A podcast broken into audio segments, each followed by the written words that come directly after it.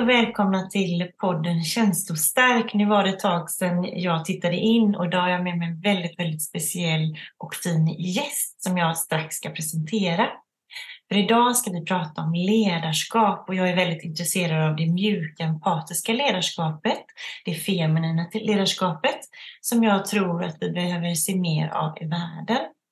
Och jag heter Charlotta Lagerberg Tunes och driver podden Känslostark och idag har jag med mig Lena Helsing som är en ledare, kreatör, jag vill gärna säga konstnär, men kreatör och varit egenföretagare i tio år. Och Lena och jag vi möttes eh, under hennes tid som chef inom socialt arbete. Och Lena har lång erfarenhet av ledarskap och chefskap under många år. Och det ska vi titta lite närmare på. Och eh, varför jag just är så glad att intervjua Lena är för att när hon var min chef så var, befann jag mig på en plats i livet som var otroligt svår för mig där och då. Och då vet jag, jag har flera sådana moments, men ett möte var när jag ursäktade mig jättemycket för att jag hade varit väldigt sjuk, svårt sjuk och kände inte att jag kunde prestera på topp så som man alltid vill göra i arbete. Och då vet jag att Lena tittade på mig och så sa hon så här ehm, det är bara helt fantastiskt att du ens är här. Eh, och det tycker jag lite ramar in det här, för mig då, feminina ledarskapet med engagemang, med kommunikation och med öppenhet. Och det andra också då som utmärker Lena mycket, som faktiskt är den bästa chefen jag har haft, om jag får säga det då, men eh, det är också sättet att skriva betyg på som är väldigt målande, väldigt beskrivande. Och också det här att våga delegera och lämna över ansvar. Att man inte petar, många, många liksom som har ledarskap liksom, liksom hökar över. Och jag då som är supersensitiv och högkänslig presterar oerhört dåligt när jag har någon som står över axeln på mig. Då. Så det är några sådana eh, eh, tecken eller som saker som jag tänker på kring just Lena. Så nu, nu välkomnar jag dig in i det här samtalet så får du också presentera dig Lena, eh, lite vem du är och sådär. Tack. Uh, uh, jag blir så rörd. Jag kan inte prata. Tyckte du inte att det stämde då? Jo, nej, men, jo då, jag tänker att det är väl precis, uh, absolut, men det jag blir rörd över det är att det är ju ändå relativt länge sedan jag var din chef och att jag ja. liksom sa sådana saker så fort redan då. liksom för jag tänker just det här med att eh, om jag sa ungefär så att det var fantastiskt, för så tänker jag att det är att vi ska vara glada att vi finns, för det händer väldigt mycket i det, att bara vara och bara där man är. Eh, så. Mm. Ja, jag ser, ja, ja, ja, ja, men så är det. Och, och, men jag, jag vet inte om jag behöver presentera mig mer egentligen. Utan, vi eh, kör igång. Jag ja. tänker på det här med just med ledarskap och feminint ledarskap, för det är väldigt aktuellt. Det kommer böcker, man Precis. pratar om mm. det, mm. de mm. goda krafterna. Det, det är så mm. mycket rörelse. Mm. Och jag tycker att det är så spännande att få vara mm. med i den här utvecklingen kring det. Visst är det. Visst är det. Jag tänker att det är jag, har, jag är ju också högkänslig skulle jag vilja säga. Mm. Jag har aldrig benämnt mig det någonsin innan men jag börjar liksom ändå tänka att det är så det är. Eh, för du är det... högkänslig, det kan jag säga. Ja, ja jag vet. Till en annan Ja, men jag har aldrig använt, jag har ju liksom inte tänkt i de termerna. Sen Nej. har jag ju känt igen mig oerhört mycket när jag har läst det så men jag har aldrig liksom sagt det så, men, men det, det gör jag nu. Jag, jag, jag är väldigt känslig. Och när man är ledare och har varit det genom så är det ju den delen som är den känsliga och den, den feminina delen, den har ju varit så otroligt naturlig för mig. Och det gör ju också att jag möter mina medarbetare tror jag på ett sätt som gör att de växer. Yes, yes. Sen har jag fått Sen tycker jag när man tänker på det feminina ledarskapet att det finns det är oerhört viktigt att vi tänker den balansen också. För en ledare ska inte bara flöda, eller de ska flöda hela tiden, ja. men vi måste också skaffa oss den här äh, strukturen och den maskulina delen som hjälper och håller våran, vårat feminina flöde. Eh, så, och och det, de har varit så motsättningar mot varandra. Just det, just det. Mm. tänker jag, under alla år. Att eh, bara för att man som kvinna blir ledare så, blir, så är det så lätt att man faller in i liksom strukturdelarna och bara prestera, prestera, prestera. Medan vi behöver liksom den andra delen som är mer flödande och eh, ja, lyssna på helt enkelt på själen, tänker jag. Och på den andra. Eh, det är ju liksom att tänka tillsammans. För det är viktigt att vi tänker tillsammans. Men jag tänker just det här att, eh, att eh, ibland brukar man säga så här att kvinnliga chefer försöker anamma det manliga maskulina då för att man kan i rädsla eller att man vågar, ja, på samma gång som, som eh, mjuka chefer, de kan ju ofta få uppbackning till att man uppskattar det. Alltså det finns ju sådana motsättningar inom det och sådär. Men jag, jag tänker just det här med den här feminina kraften som, som jag märker att den bubblar ju upp då eh, över hela världen kan man ju känna att, att det är så att det, det är som ett paradigmskifte, eller ett skifte som är på gång. Liksom sådär. Mm. Ehm, och, och jag tänker också att, att, att värdesätta det för jag kan känna att jag ofta har skämts det där, men som vi pratar om, att, att det är naturligt ibland att få ett psykbryt på jobbet eller att man blir ledsen. Men många går ju och håller de här maskerna, det finns ju mycket sån maskhållning och sådär. Och där tänker jag också mycket med det här feminina, att man kan brygga över det med öppenhet och kommunikation. Om man har en chef som man ser tillåter sig vara mjuk och att berätta om det. Jag har ju ett exempel. Jag hade en chef som var otroligt stängd. Hon var så otroligt stängd. Jag vet att hon sa, hon berättade att hon, hon drömde om att paddla kanot men att hon ville inte göra det för att hon hade läst på en lapp att, att man var tvungen att hjälpa en, en annan i kanotföreningen eller den här klubben om den ramlar i vattnet. Och det väl, tyckte hon var jätteläskigt att hon skulle behöva hjälpa en annan människa. Och hon var väldigt, hon var väldigt motpol till dig, Alltså hon hade alltid polo, polo högt upp och var liksom avstängd och satt liksom väldigt sådär hopkrympt. Och, och hade ett väldigt kritiskt, hon hade ett väldigt kritiskt seende till sina anställda. Och jag tänkte ofta på det att tänk om hon kunde se det goda i alla, att, att vi alltså som grupppsykologi vad hon kunde ha så olika saker men istället så delade hon in oss, som så här, delade upp oss, packade in då. Och det, då var det i alla fall ett, ett tillfälle när hennes gamla, gamla mamma var dödssjuk antagligen. Det sa hon ju inte, men hon skulle hålla ett möte. Och sättet hon sa det, för hon var tvungen att på telefonen. Alltså det var det mest omänskliga jag har sett i hela mitt liv. Att, hur hon skulle förklara det, där du hade gjort det väldigt eh, du hade gjort det väldigt enkelt. Du hade gjort det på ett sådant sätt så att man hade... Jag blev nästan nervös av hennes illvilja att, att behöva, behöva blottlägga sig, att man ska ha telefonen på och säga något personligt. Då. Det var det jag komma till. Mm. Så jag tänker så här lite också med kommunikation tycker jag är spännande. Mm. Och, Får jag säga en sak? Ja, jag tänker, här, jag, jag, tror att det var några saker jag fastnade för när du pratade. Och det ena är liksom det här med att, man tänker att kvinnor anammar det maskulina eh, sättet för man är rädd. Och det tänker jag att ja, till vissa delar, men det är också organisationer som är väldigt manliga i sina strukturer.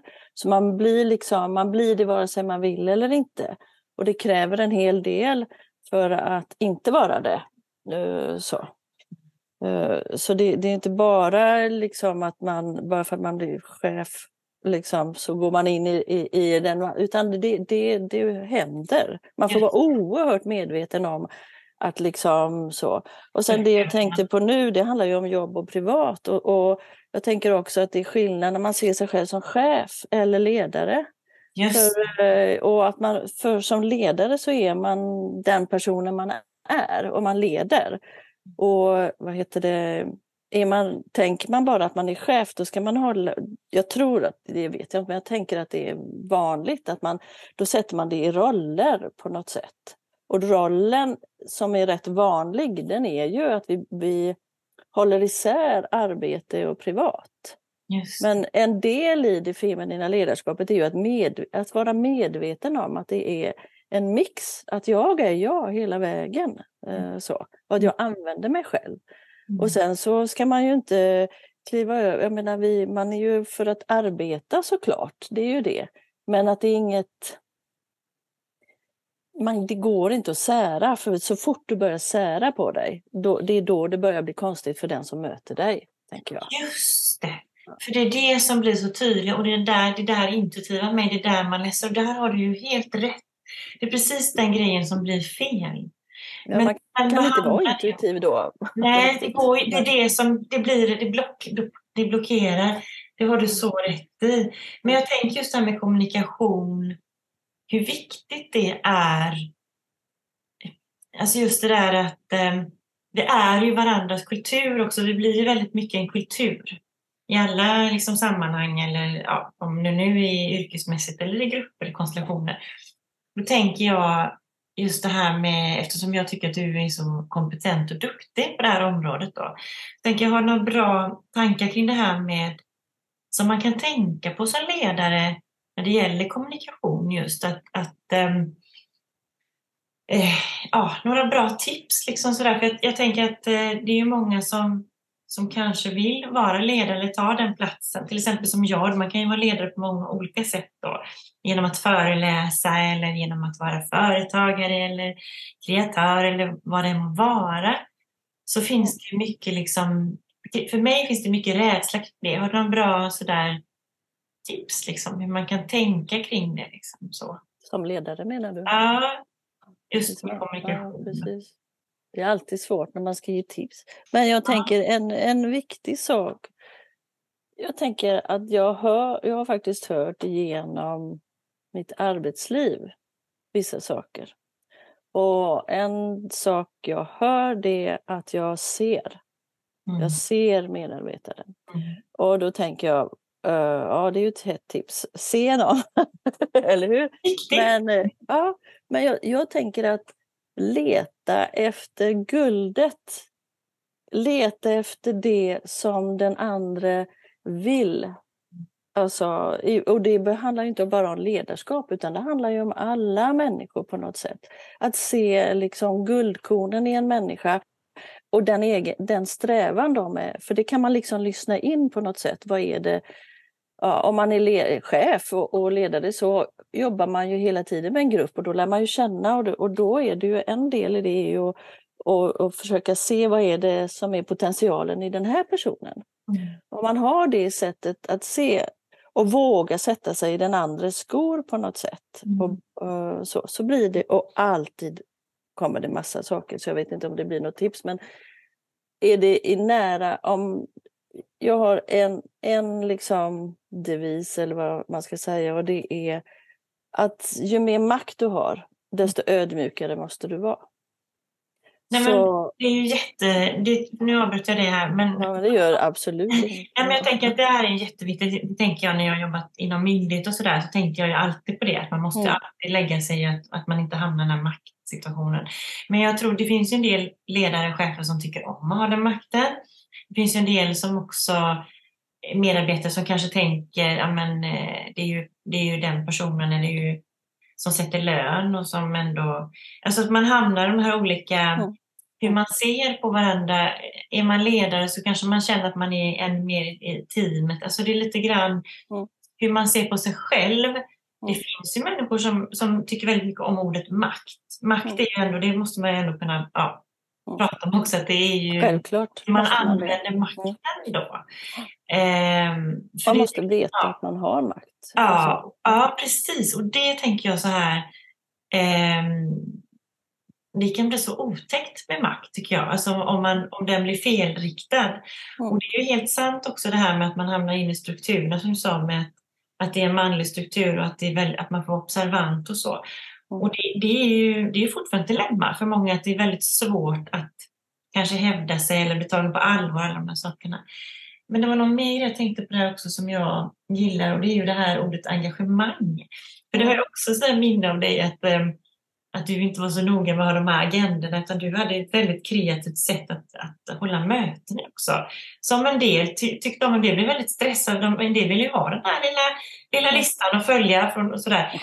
Det tyckte jag var så härligt utmanande också för att det tvingade ju de här personerna att släppa bagaget med och det där var ju helt, liksom, väldigt cool i det också. Eh, det var ju nästan som att gå på en bildlektion, liksom, för att det blev jag vet inte om du skapade en tavla eller skrev upp eller vad det var, men det var, det var på ett helt annat sätt. Och jag tänker att det är de där guldkornen också, om man nu ska borra tillbaka, mm. så att man ska hitta hos medarbetarna. Mm. Så som chef också, så har ju chef, chefer olika guldkorn och det kommer man ju ihåg som mm. medarbetare då. Eh, alltså sättet man jag skulle använda ordet ledig på dig då. Alltså det är ett ord som jag tycker är jättebra.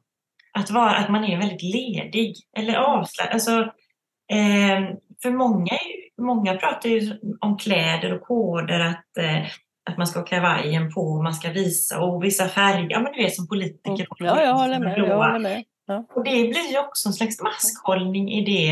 Mm. Eh, och där kan jag också tycka att du har kommit långt liksom, i ditt ledarskap. Att det finns en väldigt, en väldigt grundad ton liksom, mm. i sättet du eh, talar på, bemöter på och sådana saker. En öppenhet.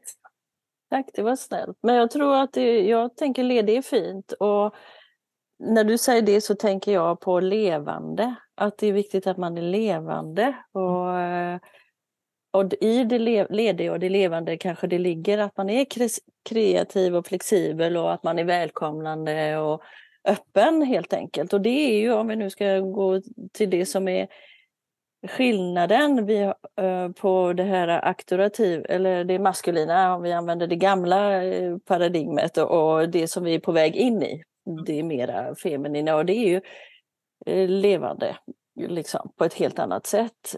så är det ju. Verkligen. Och man har en eh, känsla, tror jag, av att det ska vara jämlikt. För mm. vi människor är jämlika. Mm. Fastän att jag har makt. Alltså, mm. så det kan vara svårt att förklara det. Men, men det är en, för mig, jag har alltid sett ledarskap som ett serviceyrke.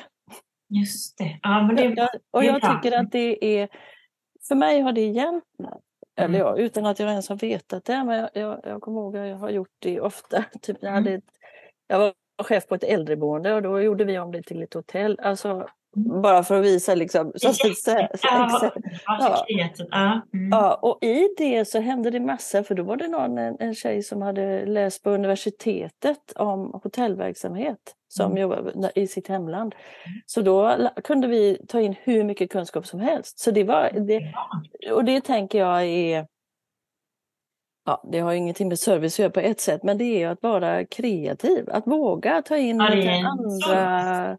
Ja, ja. Det är en solskenshistoria, verkligen. Ja, det är det. Det är, det är faktiskt underbart. Men du, eh, jag tänker också det med kreatören Lena och med eh, det egenföretagarlivet som du har hållit på med de sista tio åren. Mm. Jag är väldigt nyfiken också på att höra mer om hur du mm. arbetar med det och vad du kan hjälpa andra med och mm. ja, sådana saker. Då. Mm. Jag tänker att jag har haft eh, jag håller själv på och omvandlar och funderar på vad det är jag egentligen kan hjälpa med. Du kan massor. Mm. Ja, jag kan faktiskt. Ja, det kan jag verkligen. Och jag, eh, men eh, jag tycker precis som alla andra så tycker jag det är svårt det här med att verkligen när det är nya saker. Mm. Jag, även om jag har haft mitt företag i tio år, minst tio år är det, mm. så kom jag på nu, nej men ja, det är lite mer. Så har jag haft det bredvid, jag jobbar fortfarande ans anställd som chef. Mm. Därför att jag, jag älskar det här med att ha team och, och kollegor och medarbetare. Det är det bästa jag vet, har jag mm. kommit fram till. Så för mig har rädslan också legat i att bli helt egen, att inte ha det, vilket är helt fel för det kommer ju ändå. Men, men så har det varit. Eh, men, men, jag är ju kreativ också såklart, så jag, håller, jag sätter ihop både liksom min kreativa sida och min mera ledarskapssida, om man säger så. Aha. Mm. Och så jobbar jag med, jag har under det här senaste dryga året jobbat med varumärke. Yes. Hur man hjälper så själsdrivna företagare helt enkelt. Yes. Att eh, hitta sitt sätt att leda men också hitta en strategi för eh, sitt varumärke så att man kan hitta ut. Så. Och det är ju precis det jag är då. Jag är ju en sådan kandidat. Ja, självskriven. Ja, ja, precis. och det är ju lite spännande med det där för att eh, det är inte alltid så lätt att tränga genom rutan, eller vad säger man så fortfarande? Men just det här att eh, som högkänslig så behöver man ha mycket behov av att eh, få återhämtning. Mm. Och processa saker och eh, att springa på alla bollar som jag gör hela tiden. Mm, eh, och hitta balansen i det är oerhört svårt samtidigt mm. som man som sensitiv mår väldigt bra att vara egen just för att man kan styra sitt egna schema och så. Så det här är ju väldigt spännande då mm. eh, att hitta verktygen i det och jag, jag, tycker fortfarande att det är ganska svårt. Alltså mm. det här att, att saluföra sig, många lägger upp filmer, jag är inte jättebra på det. Alltså så, utan och jag vill gärna jag skulle behöva egentligen mer det här att hitta en balans. Det är svårt, alltså det är oerhört ja. svårt. Innan pandemin så reste jag jättemycket och var ju mm. så sliten och trött så att jag, mm. jag, så jag blir ju aldrig pigg efter en föreläsning eller efter en, jag får inte energi av det. Utan jag blir dödstrött efter jag klickar aldrig även om det är väldigt viktigt att göra det och jag har viktiga saker att säga. Jag tycker det är jättesvårt. Ja. Så det här du håller på med är väldigt viktigt. Det finns många som är som jag. Ja, jag tror, ja verkligen och mm. som jag. För ja. jag tänker att det är en del ja. i, så jag menar det är en, jag menar jag är ju trygg i mitt ledarskap och det kan vi prata egentligen om det feminina ledarskapet hur mycket som helst så. Mm. Men, men jag tänker när det gäller att driva våra företagare själsdrivet och känsligt och ja. eh, också i den feminina, att leda feminin, ja. oss själva om vi är soloprenörer. Där tänker jag många gånger att vi behöver jobba oerhört mycket på att grunda oss och jobba med strukturen och hitta en struktur så vi kan flöda. Just. Och att det är en av de svåra... Vi, är man så jättekänslig så, så är ju det inte det som kommer naturligt till en, utan det får man jobba på hela tiden. Det tycker jag är lite hjälpande att se det så att det är, jag tycker om att se det som yin och yang eller maskulin feminin och inte man kvinna då utan Nej. liksom dem. Och se att eh, ja, att vi använder struktur och system och, och scheman och kartor och strategier för att vi ska kunna använda våra inspiration och intuition och vara flexibla inom de ramarna. Att sätta mål och mm. eh, sätta en vision som vi jobbar mot. Det har man ju gjort som, det gör man ju även i företag eller som ledare i kommun eller var du än är i en organisation. Att du mm. alltid har en vision som sätts i hjärtat hos oss alla. För om vi har den visionen och hjärtat så, så kan vi ju drivas mot den. Och det jobbar man ju med när man gör en varumärkesstrategi. Så jobbar man med vision och varför vi driver företaget utöver pengarna, eh, vad vi har för värdegrunder och, och så jobbar man utifrån den grunden och sätter liksom struktur och ramar, vilken nisch, vad man erbjuder egentligen och vilken personlighet man har i sitt företag. Vi, vi glömmer att vi tänker så mycket att företaget är vi och det är det, men det är också en egen liten personlighet. Eh, så. Det är ju spännande. Som själsfränder, tänker jag. Det är ju jättespännande att du säger så, men jag tror många gånger att man kanske inte alltid vet målet. Alltså, det har ju varit lite min, mitt stora dilemma att jag är väldigt kreativ på ena sidan är det min gåva, men på andra sidan är det min förbannelse då. Så är det. Eh, för att jag gör så många olika saker. Och ibland så märker jag att mina kunder eller lyssnare eller läsare eller whatever mm. kan bli nästan lite sådär att nej men du är ju författaren. Mm. Och liksom, nej men jag är inte bara författare. Och så här, mm. nej men du är väl konstnär, men du vet sådär, du, ja de vill. Mm. Och så har man massa olika roller i det här. Och de rollerna har ju varit viktiga för mig för att kunna överleva så är det bra att kunna ha många olika inkomstkällor då. Så jag, för mig har ju det varit eh, hjälp men samtidigt så kan det bli otydligt. Det var ju därför jag också valde avsluta mina barn, barnpedagogiken och barnböckerna. Mm. Jag kände att nu är det någonting som drar ner det andra, alltså hitta balansen igen då. Jag är inte där ännu, jag är inte där. Nej, nej och jag tänker att det, det jag hör är ju att du har börjat att fundera och börjat bli medveten om att det kanske är du som ska styra det och hur du styr. Och att man faktiskt när man har företag, precis som när man jobbar i ett vanligt arbete, så utvecklas man ju och företaget ja. utvecklas. Ja. Eller hur? Och då kanske man behöver Mm. Eh, omvärdera och, och göra varumärket tydligare. För det kanske var tydligt från början och sen så har det kommit in massa och så blev det inte tydligt. Nej. Och så behöver man liksom hitta den här linjen igen. Så. Och sen tror jag att är man kreatör och kreativ och har både författarskap och konstnärskap och, så är det extremt svårt att sätta sig i en nisch. Mm. Men man kan förtydliga genom olika typer av erbjudanden eller vad gör jag där när jag gör det och att man inte sammanblandar det på det och att man liksom hittar det här är jag och det här är varumärket CL Art by. Ja, just du, har ju, du har ju egentligen har du ju två kan man Ja. nästan säga. Och då, är det, då kanske du ska förhålla dig till det på, på två sätt. Men jag har alltid det, jag, jag tänker alltid på min mormor, var tvilling, jag är ascendenten med tvillingarna. Alltså det här dubbelheten. Min mormor köpte alltid dubbla hattar och dubbla jackor och sådär. Mm, mm, Men jag har också någonting med två liksom. mm, mm. Jag vill alltid ha det på något sätt. Sådär. Och nu har jag på något sätt accepterat det att det jag kommer nog inte bara skriva, jag kommer nog göra lite olika, alltså måla och Ja. och sådär. Man får liksom, eh, ja. Men jag, men jag tänker på det, du sa att det finns en liten del som inte är varumärkesmänniska. Det tyckte jag var spännande, för så har jag nog aldrig tänkt på det någonsin. Faktiskt. Det var något helt nytt för mig. Vad sa du att du har aldrig tänkt på det som... Och det här du sa att det finns en annan liten del också. För man får alltid höra det här med varumärke, att man är sitt varumärke. Man ska vara, och jag kan nästan bli nervös, stressad av det. Det är det som Mm. stressar mig. Det var lite skönt att få vila med det. Att det finns ett eget litet Mm. självspelande piano.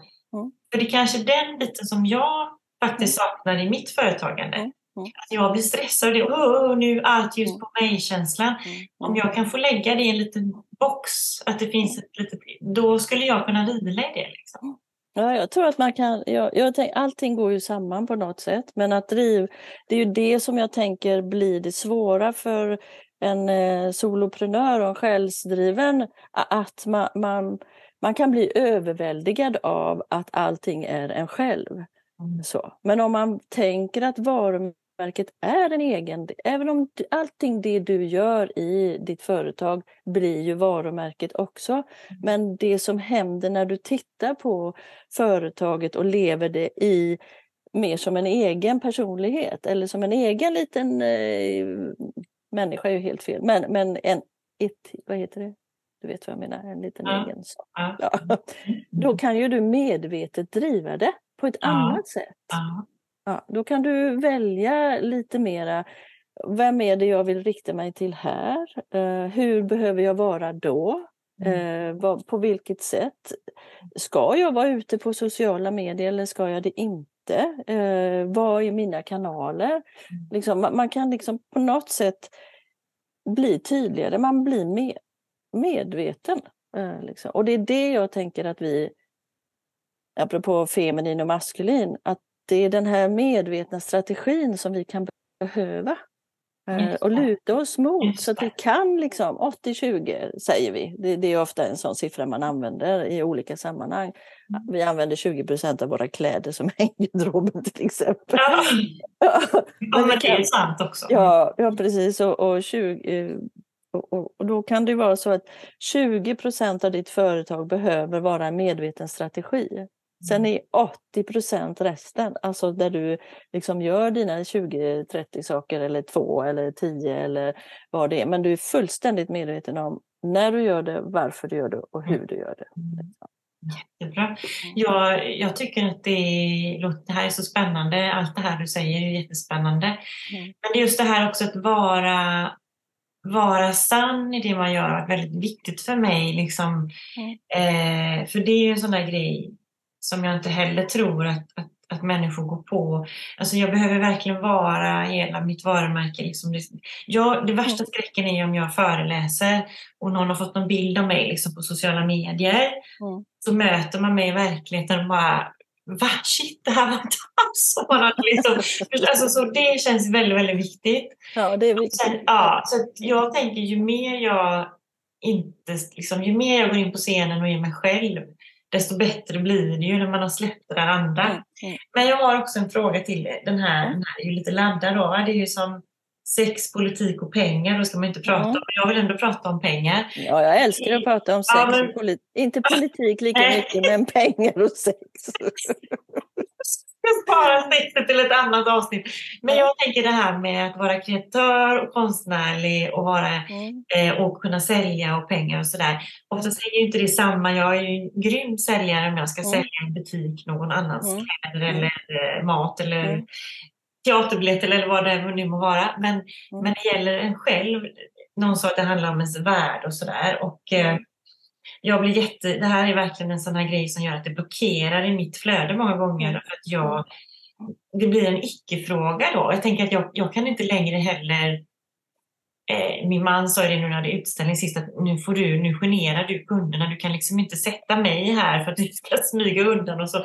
Jag tycker det är besvärligt. Och det, för det är ju liksom sådär att jag, kan, jag, brukade, jag vet när jag gjorde barnböcker så sa de varför säger du alltid att du gjort små barnböcker? Liksom att jag, jag förminskar det. Jag har små barnböcker. Liksom det här att komma ifrån det eh, att, att det blir så laddat för det blir inget flöde i det blir inget flöde heller då. Jag, jag liksom blockar det hela tiden. Ja, jag förstör det faktiskt. Det är ju destruktivt men det blir ju, det blir ju så för att för folk väljer ju själva om de tycker om något så är det ju inte jag som tagit beslutet ens. Jag vet inte hur man som kreatör, liksom hur man kommer över den. Jag tycker det är svårt helt enkelt, fortfarande. Ja, verkligen. Och det, jag tänker att det går att ändra och att vi har eh, mönster. Det finns en kvinna som jag inte kommer ihåg vad hon heter nu, eh, som är så här money coach eller så, men hon jobbar mm. utifrån arketyper. Hon mm. har identifierat åtta stycken arketyper mm. utifrån hur vi liksom förhåller oss till pengar. Det är the innocent som är lite mer naiv och som gärna blundar. Och ah, är det... Där är med ja. Mm. ja, sen finns det the artist också som eh, liksom gärna förminskar och inte... Så det, det vi, vänta. Men det är inte Jung, det är inte Jungs arketyper. Det här eh, jo, jo, jo, fast det, har lagt, eh, en del utav... Ja, ja, det finns. Det är the innocent. Och sen så... Det, det här kan vi ha ett helt program om. För det här är någonting som jag tänker är jätteviktigt. Och ju mer jag går in i det och ju mer jag tänker och känner in så mm. känner jag att vi har vi har med oss våra, våra att vi inte ens knappt, du säger när du ska prata med mig att det här blir en het fråga och tänker, åh gud vad ska hon fråga om mig, tänkte jag då. Och då, och då var det makt, säng, pengar och sex. Och, jag, och det är precis så det är. Att mm. pengar blir, bara vi ens ska nämna det så blir vi nervösa.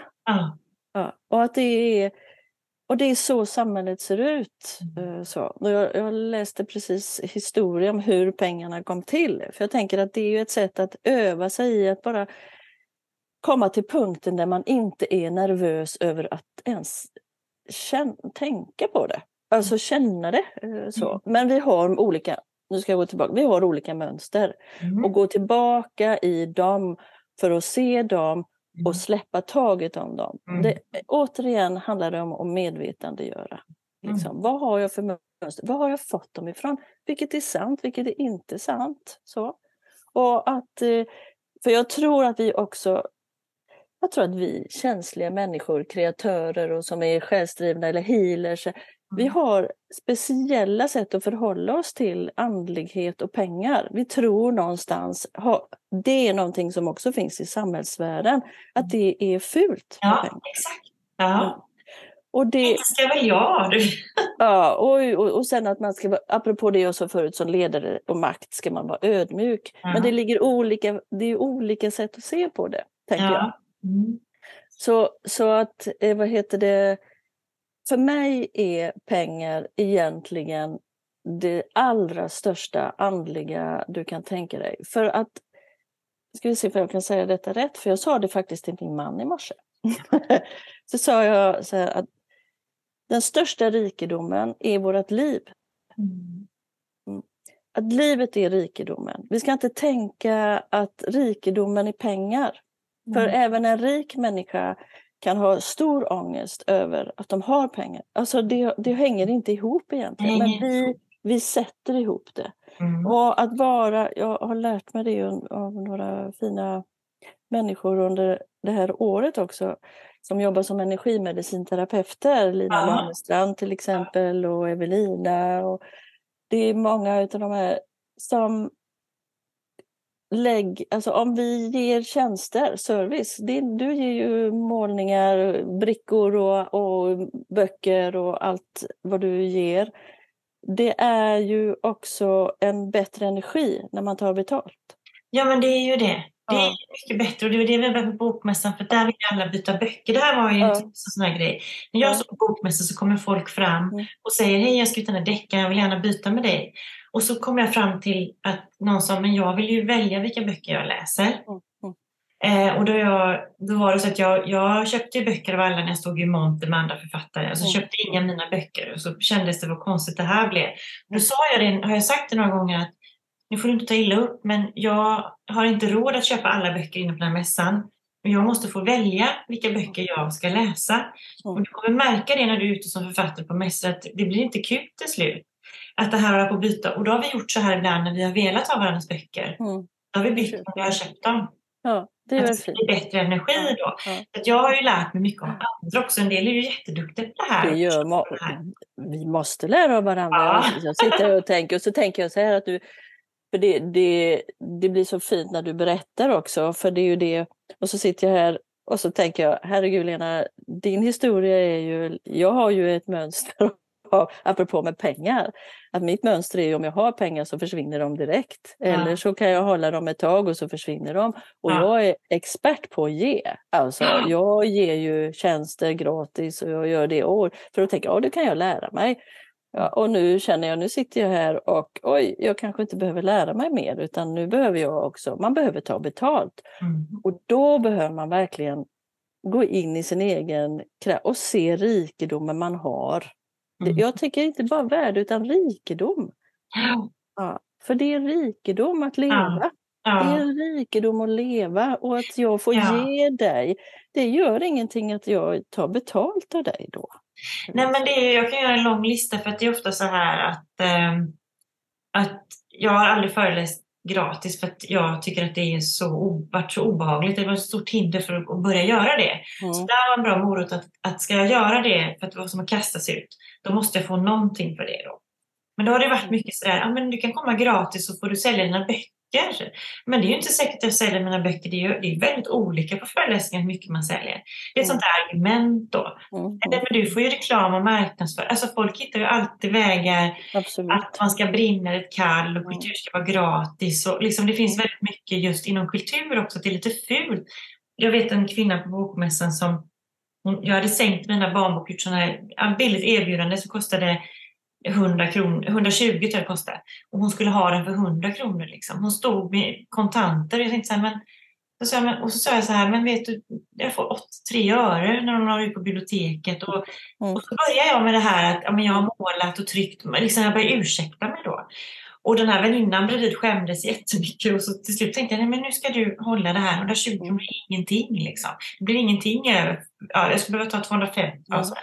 Mm. Och hon köpte, jag, visste, jag visste att hon skulle köpa för att hon ville ha boken så jag höll ju kvar där då. Ibland övar jag sådär men det är just det här att, att ehm, folk säger ganska mycket nu ska jag inte bara säga folk, för jag är dålig på att sätta gränser, så det handlar om gränssättning också. Men jag jag, tycker inte du ska jag stoppa dig, nu ska jag stoppa dig.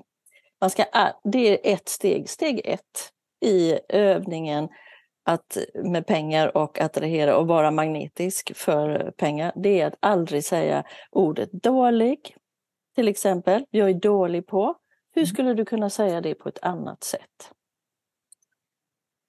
oj, eh, eh, jag är inte så eh, utvecklad. Jag är inte så... Eh, jag är inte så... Om du inte ska ha inte med också. nej, inte heller. Gör det till en handling som tar dig framåt. Jag behöver Stödja dig. öva mer på. Jag behöver öva mer på. Mm, Du övar dig Träna. på... Jag behöver träna mer på det. Mm. Du, ja, precis. Mm. Jag är inte så bra på att förhandla. Då säger du, jag övar på att förhandla. Jag övar på att förhandla, det är bra. Jag måste ändra den. Men det är i alla fall en sån här grej jag är ganska förvånad över. Jag har aldrig varit en sån här som har gått på en keramikerutställning och prutat på en tekanna som kostar x antal kronor. För jag vet hur många timmar och hur sådär. Att man för, och nu har, jag, nu har jag ett ord för att jag tycker det är svårt med tavlor och, och konst. Jag säger, jag har bara ordet hantverk med mig jag, jag, klarar inte mer än ett ord. Så jag tänker att om någon går på så säger jag att det här är ett hantverk. Så mm. behöver jag inte förklara, för då vet alla att ett hantverk är inte made in Kina och, eller China och, och 70 eh, 000 exemplar. Utan jag säger det är ett hantverk, så får man förstå det, att det är inte massproducerat. Att det, alltså sådär. Så jag försöker hitta bra kodord och just det här inte och dåligt, det är jätte, jättebra bra med sig. Men eh, ja, jag ska tänka vidare kring det. Och sen också är det en sak till som jag tänker mycket på kring det här med eh, att när man inte... Ibland har jag också tagit hjälp av andra personer. Eh, för det är också en sån där grej, jag tänker mycket just med föreläsningar, att, eh, att när jag tar kommandot själv så blir det oftast väldigt bra med. Mm. Alltså det här eh, när jag, inte, när jag inte förlitar mig på mig själv och när jag ber andra så blir det ju inte heller på samma sätt. Så där är också en sak, sak att jag har blandat ihop ledarskap med auktoritet. Det handlar ju om min, mina arbetsmodeller och mina programmeringar. Det har varit det största dilemmat, att jag har satt ett likhetstecken där. Och eftersom jag har väldigt svårt med auktoriteter, jag har svårt för allt vad det innebär och betyder, så har jag också varit livrädd för att ta platsen som ledare. Tills någon förklarar för mig skillnaden, kanske var du som förklarar skillnaden. Så det är intressant. Så, eller hur? Ja, mycket. Och jag tänker, vad är det vi ser i makt och varför? Det, alltså det, och allt det här hänger ju ihop med pengar, apropå att ta betalt och, och, och den delen. Jag, jag, jag, det går igång jättemycket tankar just utifrån det här med... För det vi ska göra oss, det är ju att vi ska göra oss magnetiska på något sätt. Alltså, menar du, jag, menar du med ja. det? begreppet liksom magnetiska? Ja, det är ju att vi... Tänk dig på tänk man, magnet. Mm. De, antingen så repel, alltså mm. går du ifrån, det är väldigt så, mm. eller så attraherar du till dig. Mm. Så boom, så är det där. Liksom. Mm. Och då finns det olika sätt att göra sig magnetisk. Och mm. en är ju precis det du pratar om, att eh, vara i sin ledarskapet. Liksom. Istället för att se det som auktoritativt så leder du dig själv framåt till mm. exempel. Mm. Och att du jobbar med att öva dig och förhandla. Det, man kan ju ta det i små steg. Liksom. Man behöver inte hela tiden eh, man behöver inte göra det så kraftfullt med en gång utan man, man tänker nu, nu snurrar jag in mig, jag vet, för att jag, det kan jag lätt göra när jag har tankarna samtidigt. Det gör ingenting, det är rörligt intellekt, det är väl härligt? Ja, ja, ja, ja, men så är det, tack. Verkligen. Men, jag tänker att hur ska jag förklara magnetiskt? Jo, men jag släppte taget. Jag kan ge en, jag kan ge en ja. historia. Mm. Ja, det är bra. Mm. Jag... Äh, vad heter det? Nu ska vi se här. Ska vi se här. Jo, Ja, om jag någon gång bara bestämmer, så fort jag bestämmer mig för någonting och jag är bara helt cool i det, det spelar mm. egentligen ingen roll vad det är. Mm. Men jag kan bestämma mig för att nu, nu får det vara slut på allt gnäll till exempel, eller att nu mår jag bättre eller vad, vad som helst. Mm. Eller nu, nu vill jag verkligen göra det här. Eh, mm. Till exempel, eh, jag vill gå in i det feminina ledarskapet. Jag vill också vara en del i det. Jag har otroligt mycket att göra. Då kommer det att jag får prata tillsammans med dig om det. Eh, så. Att eh, jag, eh, det dök upp en så här välkommen på tre föreläsningar gratis tillsammans med en av mina jättefina människor i mitt liv som har kommit in i mitt liv, energiterapeut Lina. Några dagar senare, jag får erbjudande om arbete. Det, det, blir, det kommer direkt och det är för att jag är så cool i det på något sätt. Ja, mm, men nu har jag bestämt mig för det här. Och, ja, och, och släpper taget. Jag, jag, jag tänker att jag har också börjat ordentligt på djupet gräva i pengar. Alltså jag har vågat se mina egna svårigheter.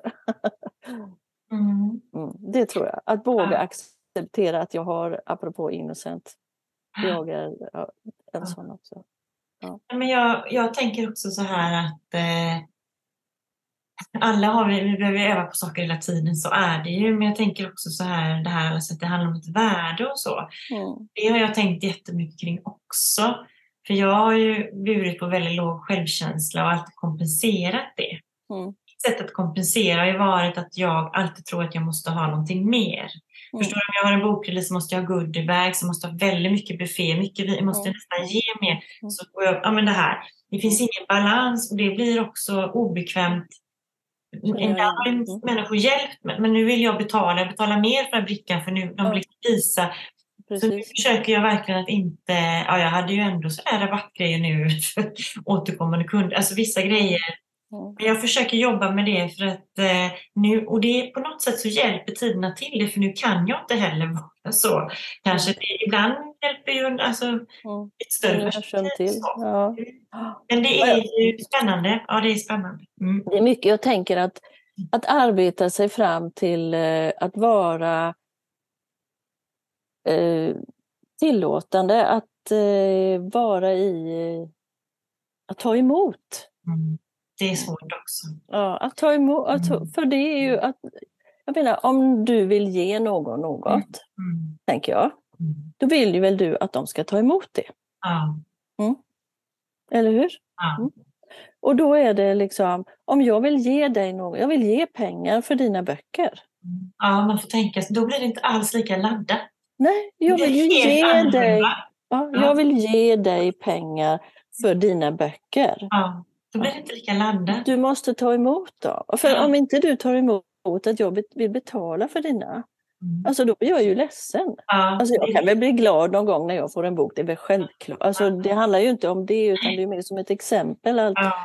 att eh, jag menar, det är väl själv, jag ser ju dem som värdefulla. Alltså du är värdefull. Ja. För mig är du värdefull. Ja. För där är det vackert, det är det här med värdet igen. Och jag tänker att det är många sådana här eh, motsägelser som är ledarskap, auktoritet har jag haft jätte, liksom det här med makt. Att jag tycker det är otäckt med makt också. Jag är inte sådär, jag är ingen maktmänniska. Jag tycker att det är, är liksom, ja, det har svårt. Och sen är det också det här att eh, det finns ett begrepp till. Det är några olika saker jag tänker kring ledarskap. Det är avund också. Mm det mötte jag en gammal jättegullig lärare som, eh, som sa till mig så himla fint, för det var min lågstadielärare. Hon var väldigt eh, hon var jättesträng, jag var jätterädd för henne men som, hon var också fantastisk på många sätt och vis. För hon skapade en egen pedagogik. Mm. Och det jag inte visste då 1980 var att hon blev så mobbad på min skola för att hon, hon blev utskattad på lärarhögskolan och sådär. Och då sa hon till mig, men Lotta det ingår att bli lite mobbad när man går sin egen väg, sa hon. Att, att, och så berättade hon väldigt öppenhjärtigt om eh, hon gav mig väldigt mycket den lilla stund, pratstunden där. Mm. Då så sa hon just det att eh, att hon, ja, hon berättade om hon hade varit igenom att, att, att, gå sin egen väg, att man kan bli. Och jag har haft väldigt svårt för det, så då har jag haft några sådana här kloka kvinnor som har sagt till mig, det var en kvinna när jag jobbade på Alfons Åbergs kulturhus som sa, håll dem en meter ifrån. Alltså det här, hon lärde mig också hur jag kunde gå runt i huset och möta publik, för jag var nervös att inte leverera. Mm. Och sen var det en som sa också att kom ihåg det att att skapa skapar väldigt mycket avund, för alla människor tycker om kreativitet. Och du får tänka att många människor konsumerar kreativitet. De är med i bokcirklar, de sjunger i kör, de gör de här, men de skapar inget själva, men de tycker mycket. Så mm. ibland har jag den rösten med mig att ja, men gör något själv då istället för att kritisera. Alltså sådär, att man inte går in i de här försvaren.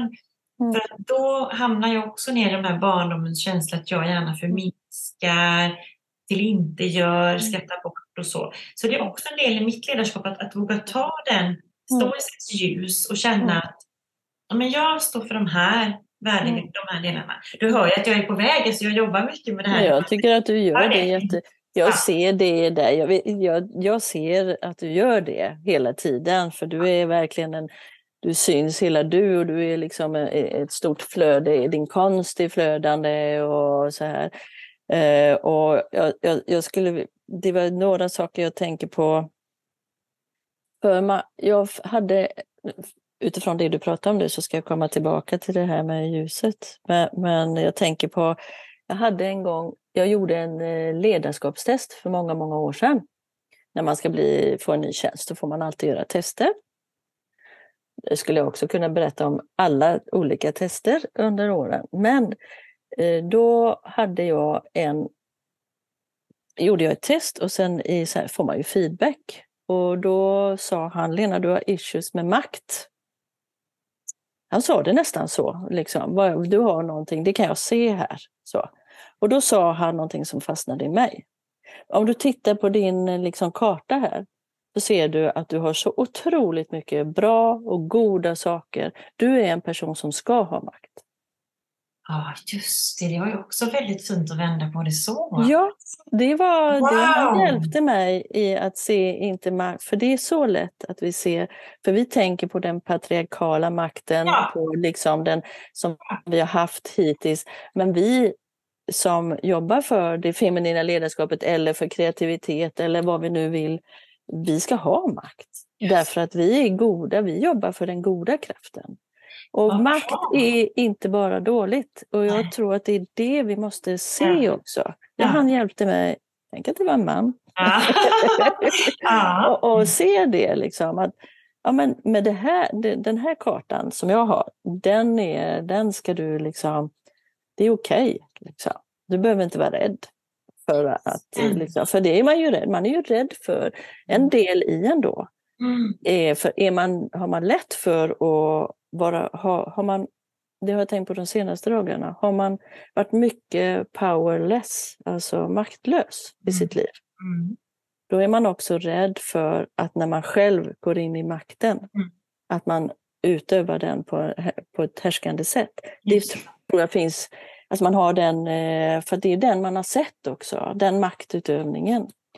Mm. Så, ja, så, men man kan gå man behöver inte komma till ytterligheterna, vare sig att vara powerless eller utöva auktoritativ makt, utan man får hitta liksom fram, ta de goda sidorna av att vara auktoritär till exempel och mm. införliva dem i en själv. Och när man gör det, då lovar jag, den dag man gör det, mm då kommer det inga som säger att de vill betala 120, 100 för dina böcker. Nej, jag tror inte heller det. Du helt rätt. Då kommer de inte, för då är de inte intresserade, för du behöver inte lära dig det Nej. Så Nej. fort man är färdig med något, då försvinner det. Liksom. Ja. Så ju mer du utvecklas, alltså ja. inte bara du nu, vi, alltså ja. vi och jag, desto mer, desto mer försvinner det gamla. Det är ju därför man ibland har sorg också, tänker jag, över att man förlorar människor som har funnits i, ba, i ba, mm. bakåt. Men de, de ska inte finnas där längre. Nej, nej. De kom in och så kommer de ut. Sen har man många människor med sig hela livet och det ska man ha. Så det är inte det jag menar. Men... Jag precis vad du menar. Mm. Ja. Mm. Så... Och det är ju mycket, det är precis så, precis så exakt. Jag håller med allt det du säger. Mm. Och det är nog så att jag kastas mellan de här ytterligheterna så att det är ju också en viktig del att man behöver inte bli, det inte bli så drastiskt. Liksom. Det blir inte så svartvitt i det, utan ja. hitta en balans i det, sådär tror jag. Ja, nu har pratat, ja. jag ser det. Vi har pratat en timme. För, för en halvtimme sen så ska vi börja, Vi ska nog börja avrunda detta avsnittet, men vi kan ju prata vidare i ett annat avsnitt. Mm. Eh, jag tycker det här var jättespännande. Det var roligt att du ville vara med. Mm. Och eh, vad, vad, vad heter ditt konto nu på Instagram? Eh, som man kan, om man vill titta och följa där? Ett Helsing Studio. Just det. Mm. Eh, är det någon annan sida eller länk eller någonting som du vill tipsa om som man kan gå in och titta på? Mm, nej, jag har egentligen inte. Jag är inte så, det är också något sånt här, apropå varumärkning och så. Jag tänker att man får hitta sina kanaler och eh, men jag har inget eh, så ännu. Jag tycker en liten Instagram som man kan följa ja, med? Ett Helsing Studio. Följer man mig där så kommer man att få följa med på en resa. Ja, och där är det är så vackert också ditt konto tycker jag. Mm. Ett vackert konto. Mm. Men eh, tack så jättemycket Lena för att du var med här idag. Tack så gärna på avsnittet och har ni mm. frågor mm. till oss så får ni gärna skriva också på info. Ja, jättegärna. Och jag tänker att hör bara av er till Charlotte eller till mig såklart så träffar jag om det är frågor kring både varumärke och ledarskap och hur man leder sig själv. Absolut. Tack så mycket. Tack, Hejdå.